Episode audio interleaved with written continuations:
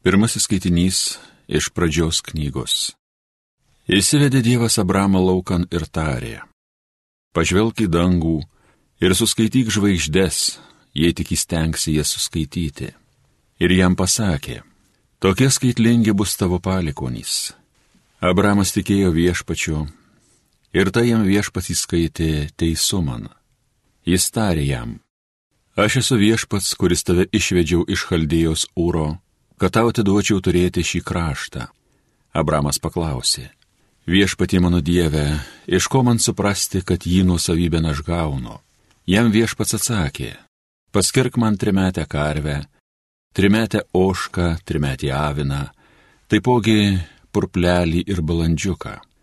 Visus tos gyvulius Abramas papjovė, perkirto per pus ir pusės išdėstė vieną prieš kitą. Paukščių tačiau nedalyjo. Tuomet skerdieną užpuolė plėšrėjai paukščiai, bet juos Abramas nuvaikė.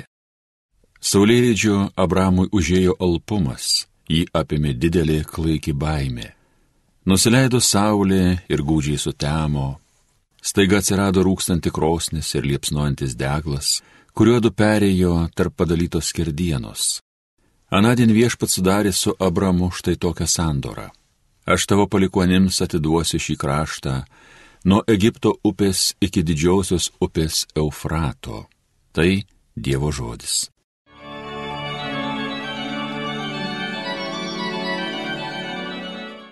Viešpats mano šviesa, gelbėtojas mano. Viešpats mano šviesa, gelbėtojas mano, ko man bijotis. Viešpats gina mano gyvybę, ko man drebėti.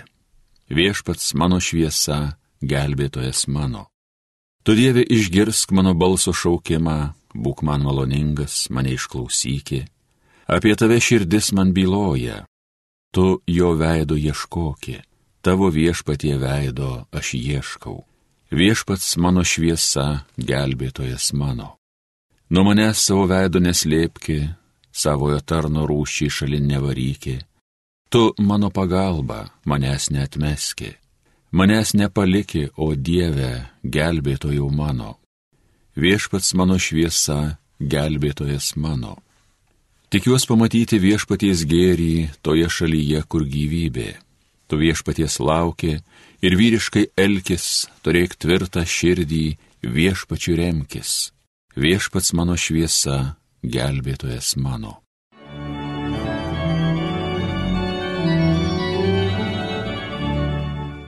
Antrasis skaitinys iš Šventojo Paštalo Pauliaus laiško filipiečiams. Broliai, visi būkite mano sekėjai ir žiūrėkite į tuos, kurie elgesi pagal mūsų pavyzdį. Daugelis, apie juos aš nekartą jums esu kalbėjęs ir dabar su ašaromis kalbu, elgesi kaip Kristaus kryžiaus priešai.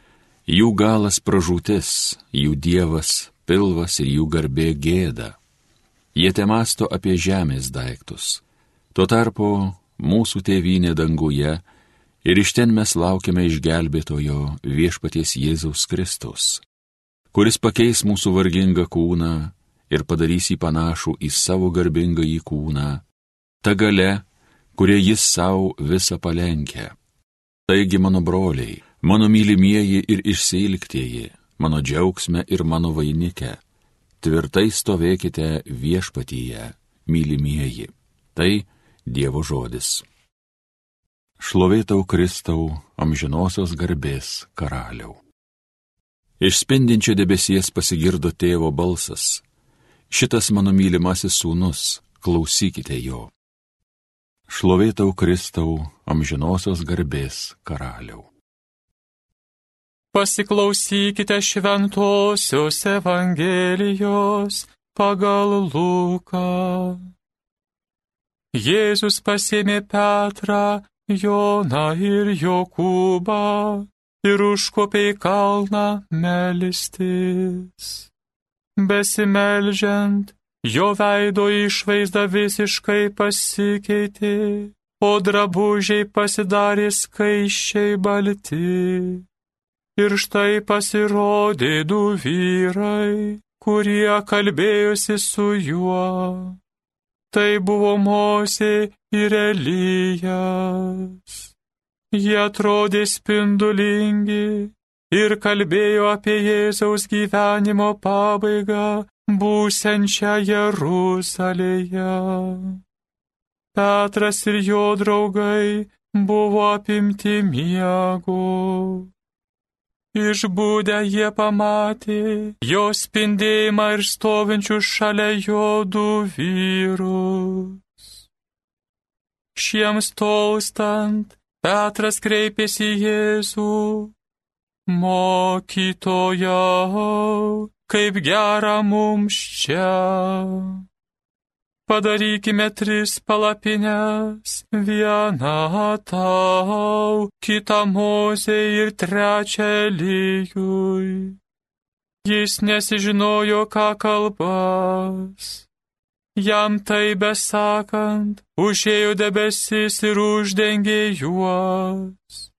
Jiems panyrant į debesį, mokiniai nusigando, o iš debesies aidėjo balsas.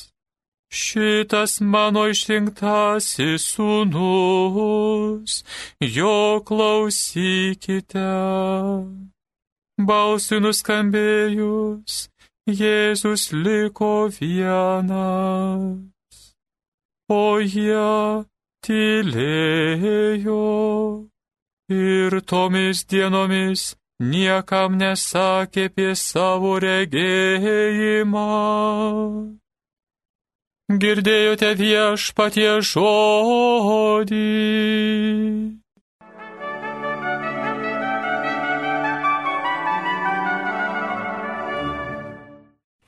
Mėly Marijos radio klausytojai, nesistebėkime, nesistebėkime, jog šventasis Petras šaukia. Gera mums čia būti, juk atsivėrė dangus, iš dangaus Dievas tėvas kalba, iš dangaus atkeliavę spindi mozė ir Elijas, pats Jėzus spindi tikrų dangumi. Mums visiems būtų malonu patirti nors truputį tos dangaus dvasios. Visais laikais to troško žmonės, rašė apie tai, mąstė, yra išlikęs rusų vienuolių pasakojimas. Du vienuoliai senoje knygoje perskaitė, kad yra žemėje vieta, kur dangus su žemė susiliečia. Ir jie nutarė surasti tokią vietą.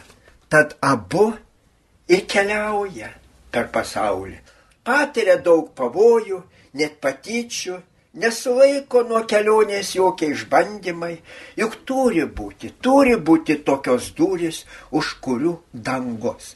Pagaliau randa tas duris, dreba jų širdis, kai duris pačios atsidaro, įeina ir vos nenugriūna. Tai jų pačių vienuolino cėlės, vienuolino kambariukai. Ir jie suprato, dangų rasi ne pasaulio krašte, bet ten, kur gyveni. Koks nuostabus pamokymas tiems, kurie galvoja, kad laimę rasi kažkur kitur, tik ne namie.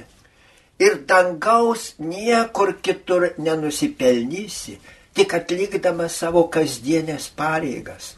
Dangus yra po mūsų kojomis, mūsų rankose, mūsų darbuose. Ir kitą pamokymą randame šiandien Kristaus atsimainime vieta, kur dangus atsiveria, kur visa atsimaino, kur viską keičiasi, yra maldos vieta.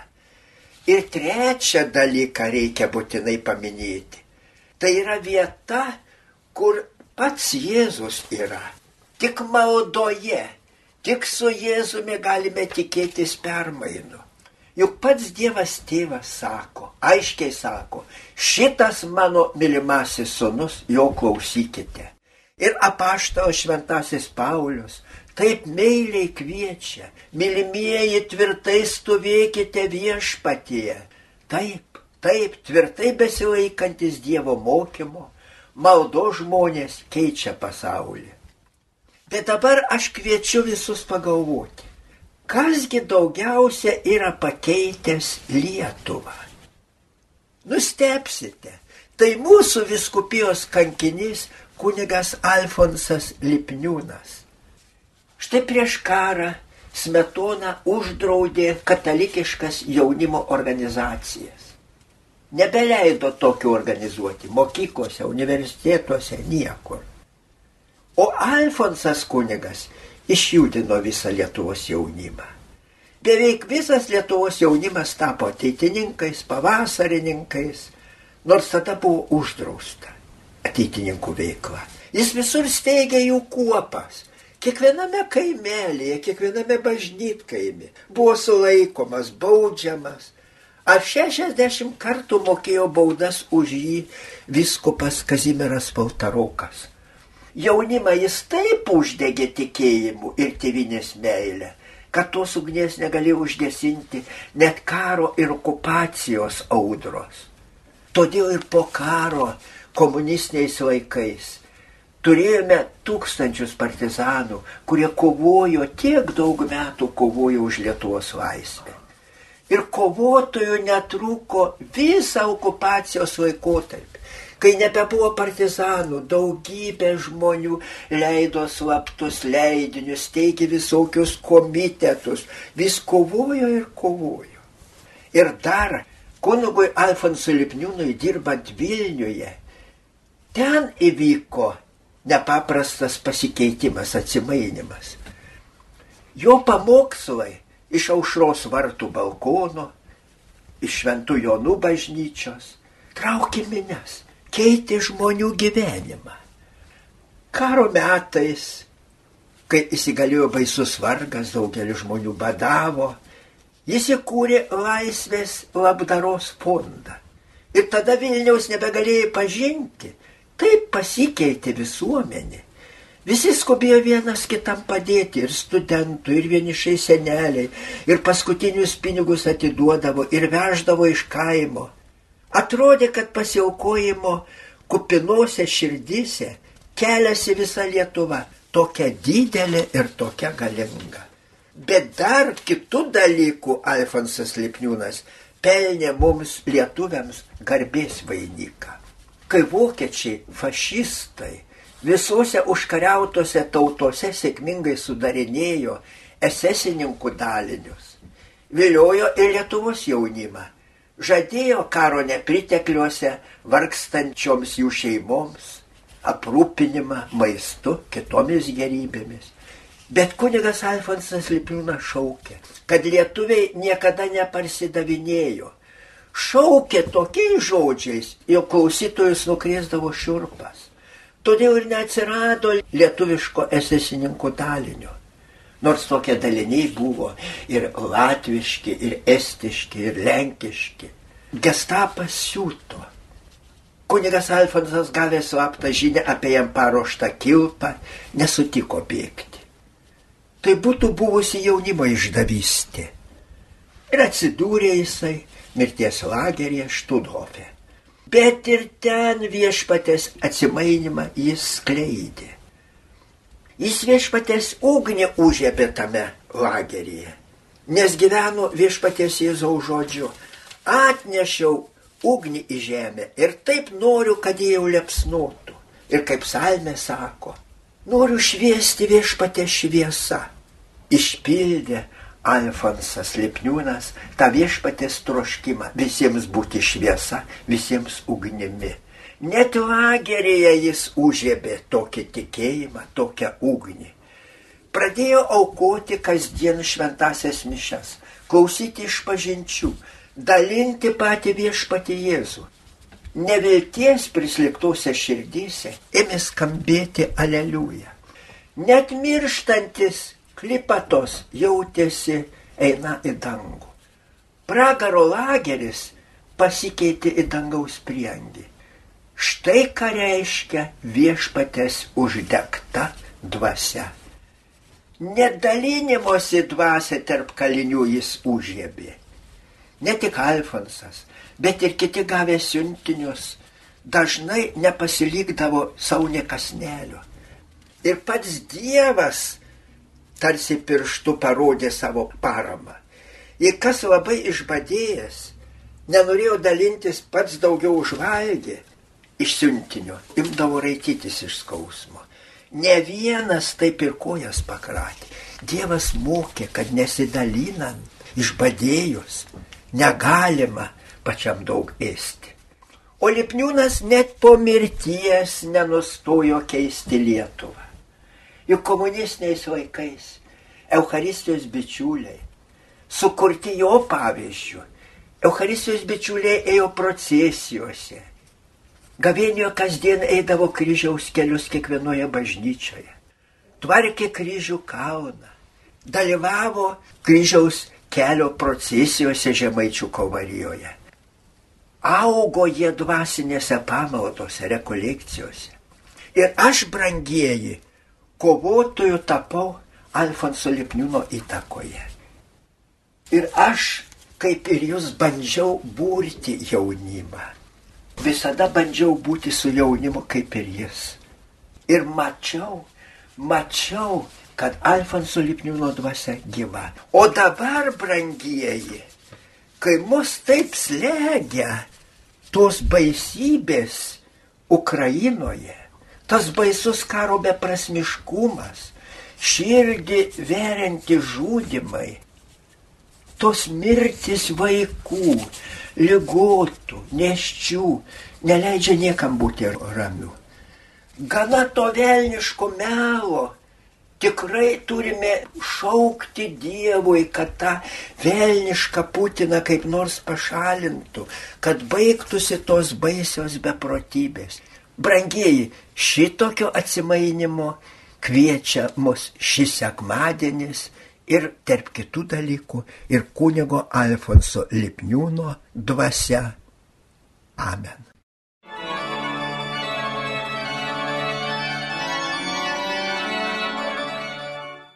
Evangeliją gėdojo kunigas daktaras Vilius Sikorskas. Homilyje sakė panevižio vyskupas emeritas Jonas Kauneckas.